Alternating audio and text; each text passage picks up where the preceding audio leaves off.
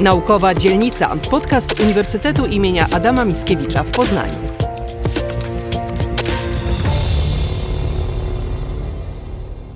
17 października odbyła się 31. debata akademicka pod patronatem rektorów Uniwersytetu imienia Adama Mickiewicza i Uniwersytetu Ekonomicznego w Poznaniu zatytułowana Życie codzienne w czasach kryzysu. Jej magnificencja rektor UAM, profesor Bogumiła Kaniewska, zapowiedziała temat spotkania.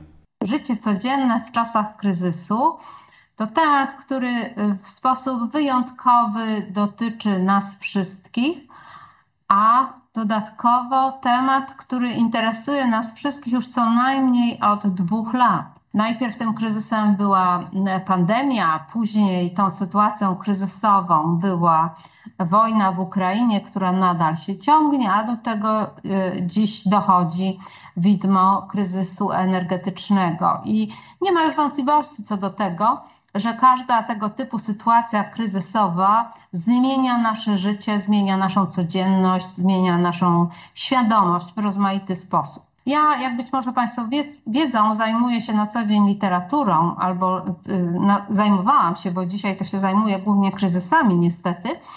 E, I e, w literaturoznawstwie istnieje takie powiedzenie Simone de Beauvoir, że nie ma e, lepsze, lepszej pożywki dla rozwoju literatury powieści niż kryzys.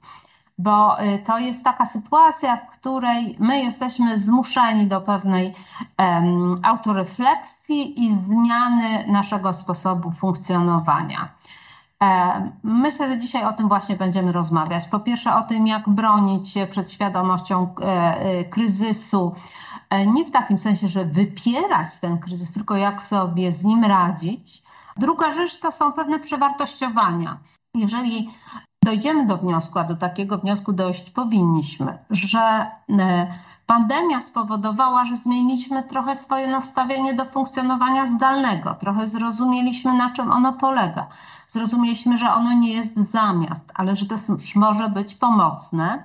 To myślę, że aktualny kryzys, myślę głównie o kryzysie energetycznym, może być impulsem do zmiany naszego sposobu e, życia e, z, te, takiego bardziej beztroskiego, no bardziej troskliwy i tą troską powinniśmy otaczać drugiego człowieka, tego człowieka słabszego, ale także e, tą rzeczywistość, którą człowiek sobie podporządkował, czyli naszą planetę, klimat, y, zasoby, zasoby energii, wodę.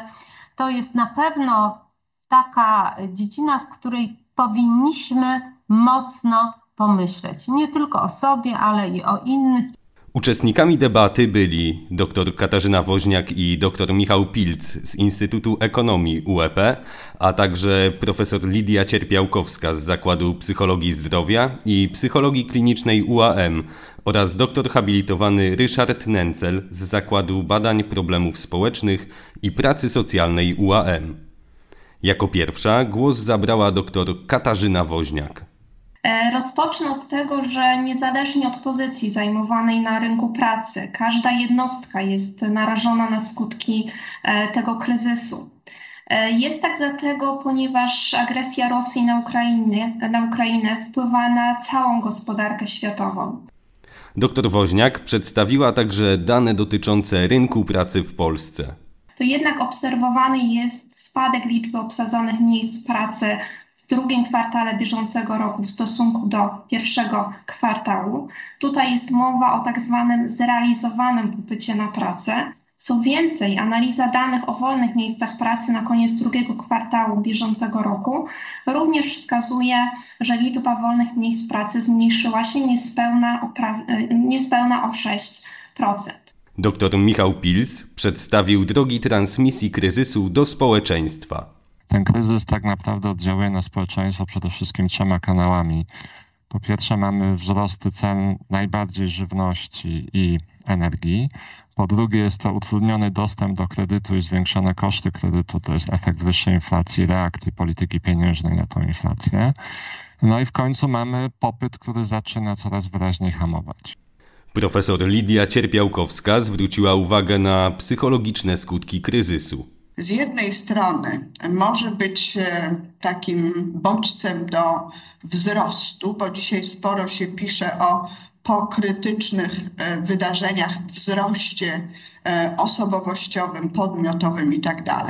Z drugiej strony jednak powoduje, kryzys może rozwijać się w kierunku coraz bardziej pogłębiających się zaburzeń, problemów ze zdrowiem psychicznym. No i tu znamy mm, takie przynajmniej e, dane, które mówią o tym, że zubożenie prowadzi do nasilenia depresji, do nasilenia zaburzeń lękowych.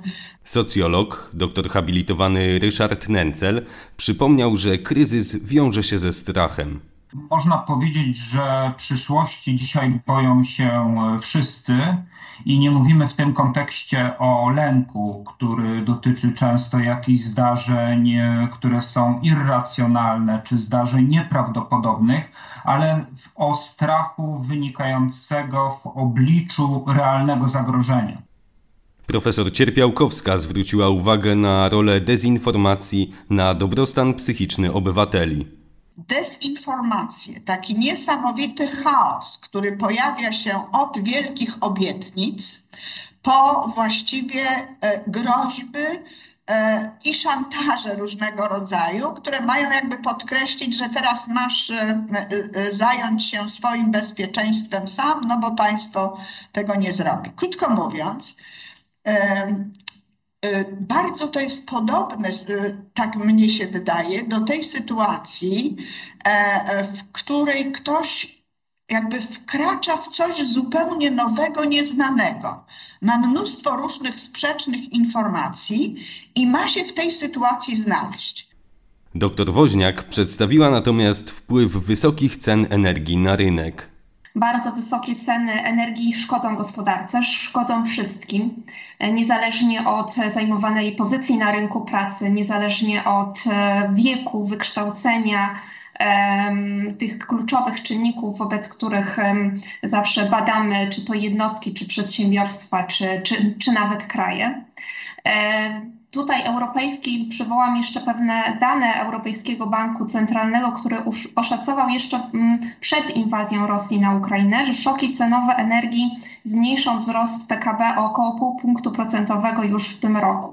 Wskazała także, jak ważne jest działanie państwa w czasach kryzysu. I mam tutaj na myśli przede wszystkim to, że państwo nie powinno biernie przyglądać się pogarszającej sytuacji gospodarczej, powinno szukać rozwiązań, ale też i co najważniejsze, powinno prowadzić konsultacje społeczne na temat proponowanych działań, proponowanych rozwiązań, e, na przykład z przedsiębiorcami reprezentującymi dany sektor gospodarki.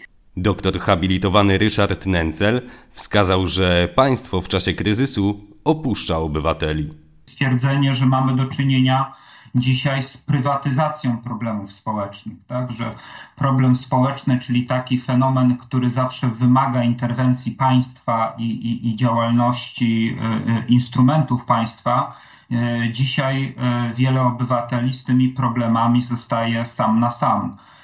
Doktor Michał Pilc z UEP opisał wady i zalety pomocy prowadzonej przez rząd.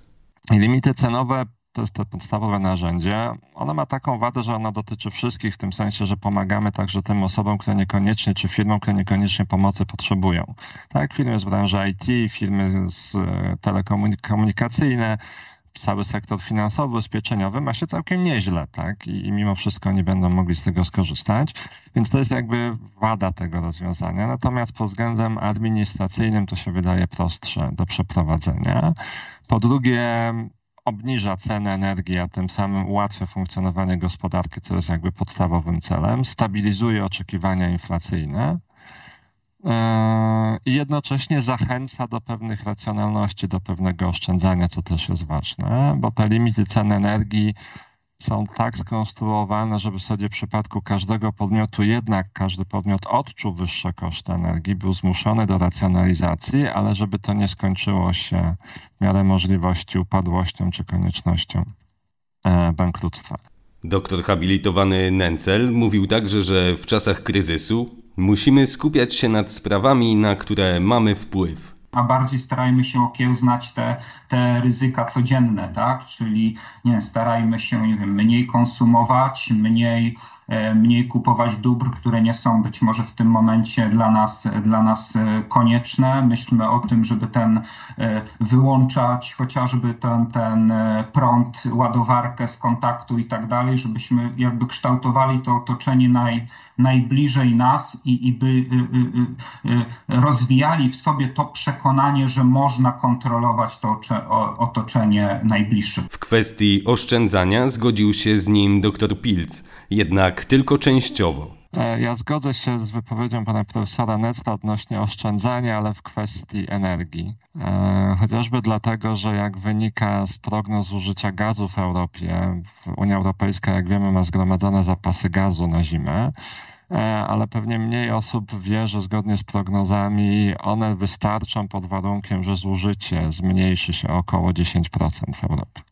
I przy założeniu, że zima nie będzie szczególnie dotkliwa. Tak? Jeżeli to zużycie będzie na normalnym poziomie, e, no to w tym momencie tych, tych magazynach może być za mało po prostu.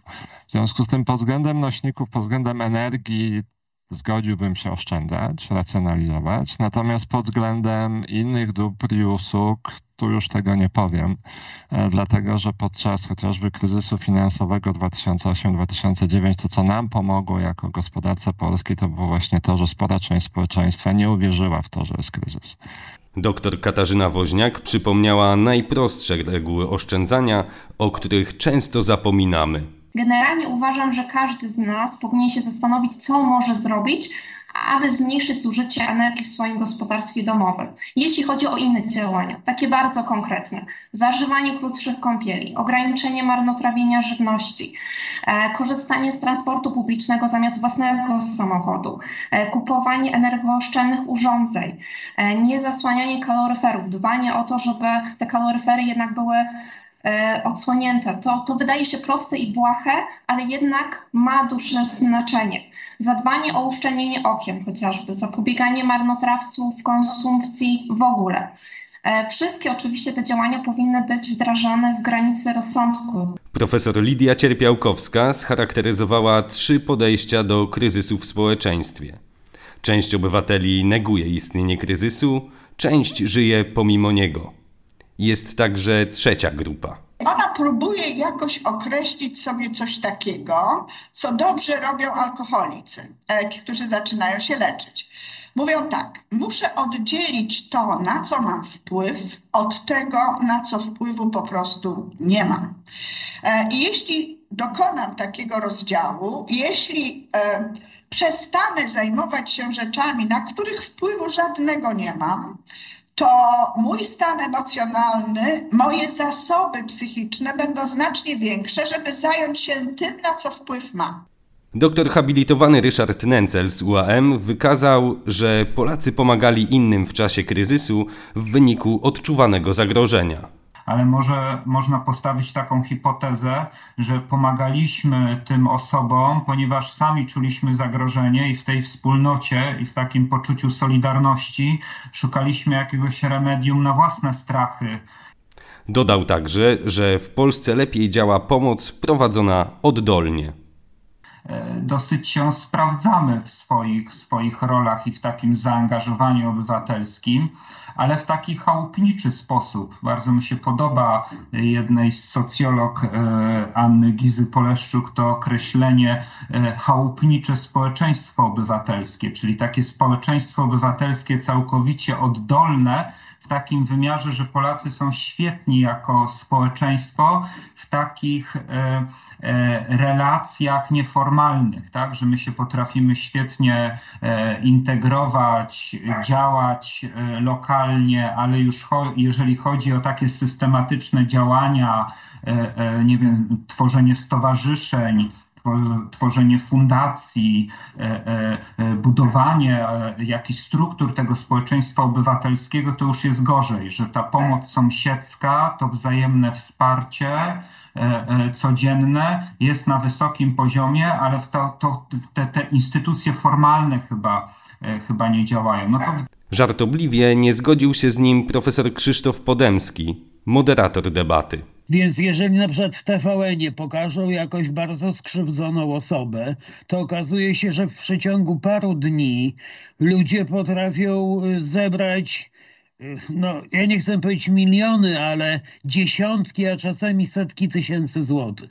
I, gdyby, I to znaczy, że siedzimy więcej przed telewizorem, a mniej mamy i w internecie, a więzi sąsiedzkie wyglądają beznadziejnie. I pewno gdybyśmy tego naszego sąsiada zobaczyli w telewizji, że potrzebuje pomocy, to byśmy natychmiast otworzyli drzwi, drzwi i wybiegli mu pomóc, tak? No to jest jakiś paradoks naszych czasów chyba, tak mi się, tak mi się wydaje. Zapraszamy do wysłuchania całości debaty. Link znajduje się w opisie odcinka. Do usłyszenia!